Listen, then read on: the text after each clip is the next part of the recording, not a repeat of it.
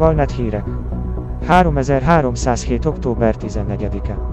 Terrortámadás Hadrian Duval főhadiszállása ellen. Pilots Federation felhívás.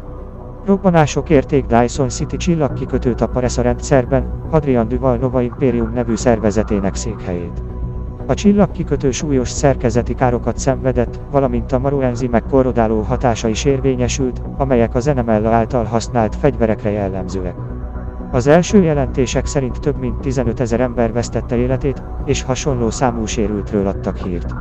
Az alábbi nyilatkozatot Leo Magnus Prétor, a Nova Imperium korábbi biztonsági főnöke adta ki, aki az ACT-hez volt kirendelve. Röviddel a támadás előtt a csapatom elfogott egy kommunikációt a feltételezett neomarlinista támogatók között.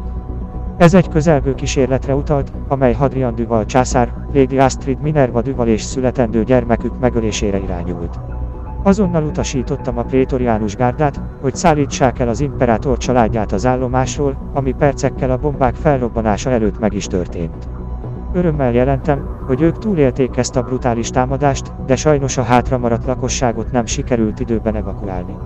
A Paresa rendszerben szükségállapotot hirdettek ki, és űrgősen kérik a független pilótákat, hogy segítsenek a túlélők kimentésében a Dyson City csillagkikötőből.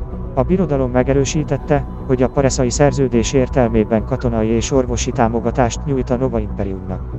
Az ACT nyomozást folytat, hogy többet tudjon meg a támadásról.